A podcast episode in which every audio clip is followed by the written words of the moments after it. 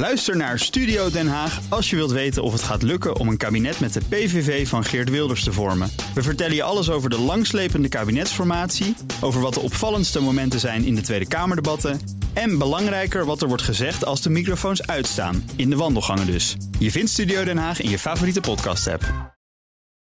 Postma in Amerika. Tijd voor het Amerikaanse nieuws door de ogen van onze correspondent in Washington, Jan Postma. Jan, de wereld keek naar de NAVO-top, maar in Amerika zitten ze gewoon midden in een campagne. En er was een fikse discussie over ijs.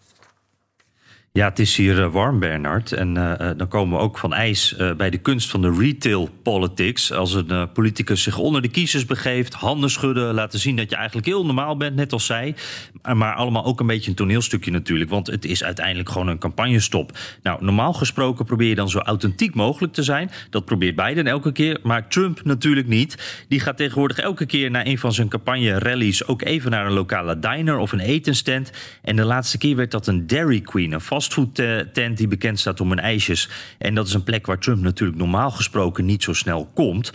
Um, en uh, waar andere politici dan uh, dus juist heel erg zouden benadrukken van... hé, hey, ik hoor hier thuis, doet Trump juist het tegenovergestelde. Het uh, bekendste ijsje van de Dairy Queen is de Blizzard. En ja, het geluid is heel slecht, want ze staan dus in zo'n in zo'n Dairy Queen. Maar ik laat het toch even horen. Dit zegt Trump over die Blizzard. Everybody wants a Blizzard.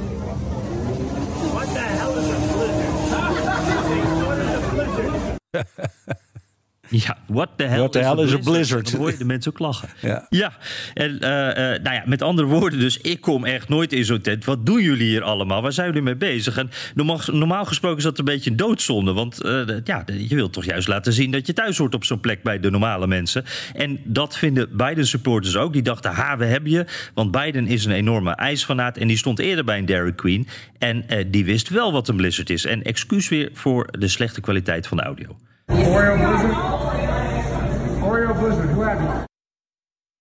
Ja, hier hoor je hem zeggen van hé, hey, een Oreo Blizzard. Wie had er eentje? Dus hij weet wel uh, uh, wie uh, of wat een Blizzard is. En hij houdt dan ook het ijsje even op de kop. En de kenners weten dan meteen, oh, dan weet hij waarover hij praat. Want als je hem op de kop houdt en het ijsje valt eruit, dan krijg je hem daar altijd gratis. dat weten alle Dairy Queen fans. Maar Trump supporters zeggen dan weer daarover, wat doet die verwarde man daar nou? Die is gek en wat een ongelofelijke aansteller. Dus zo werd er deze week druk geruzied over ijs. En het grappige is, Biden is natuurlijk op op heel veel manieren heel gemaakt. Uh, die heeft zijn eigen politieke verhaal tot in de puntjes uitgedacht. Maar ijs, dat geloof ik wel, dat is echt zijn uh, grote liefde. Ja. En Trump, die heeft er natuurlijk echt helemaal niets mee. En die zegt dat ook gewoon. En die krijgt dus net zo hard applaus als Biden. En iedereen heeft vervolgens ruzie met elkaar. Ik denk een klein metafoortje voor de campagne van dit ja. jaar. Een republikeinse presidentskandidaat geeft je 20 dollar als je 1 dollar doneert aan zijn campagne. Wat is hier aan de hand? Ja, dit is een heel dure manier van campagne voeren. Doug Burgum, uh, de gouverneur van North Dakota, die me altijd opvalt omdat er ook een plaatsje Burgum in uh, Noord-Nederland is, die zegt: Ik geef je een cadeaubon van 20 dollar als je mij 1 dollar doneert aan mijn campagne. En zijn campagne zegt: Dat doen we om de mensen te helpen met al die inflatie. En dan, het is een republikein, dus Bidenflation noemen ze dat. Een steuntje in de rug. Maar uh, er zit een hele duidelijke tactiek achter. Want om aan het eerste debat mee te mogen doen bij de Republikeinen, heb je namelijk zo'n 40.000 individuen individuele donateurs nodig. Mensen die je geld geven. En die Burger die heeft zelf wel geld. En die weet ook, ja, als je dat eerste debat niet haalt, dan kun je wel inpakken. Dus hij heeft nu 50.000 cadeaubonnen klaar liggen. En uh, ja, even rekenen, als iedereen 1 dollar geeft, dat is het minimum. Dan kost hem dat dus 950.000 dollar. Maar dan staat hij straks wel op dat debatpodium. En dat is natuurlijk uh, priceless. Ja, maar hij koopt dus stemmen, hè? heel simpel gezegd.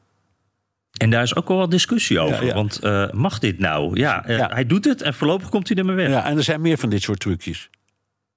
Ja, uh, Vivek uh, Ramaswamy, uh, ook zo'n kandidaat, die, die belooft donateurs een aandeel van al het geld dat ze voor hem ophalen. Dat is ook zo eentje waar door de FEC naar wordt gekeken van, nou, mag dit nou? Perry Johnson, een kandidaat uit Michigan, die geeft t-shirts van Tucker Carlson gratis weg in ruil voor een donatie.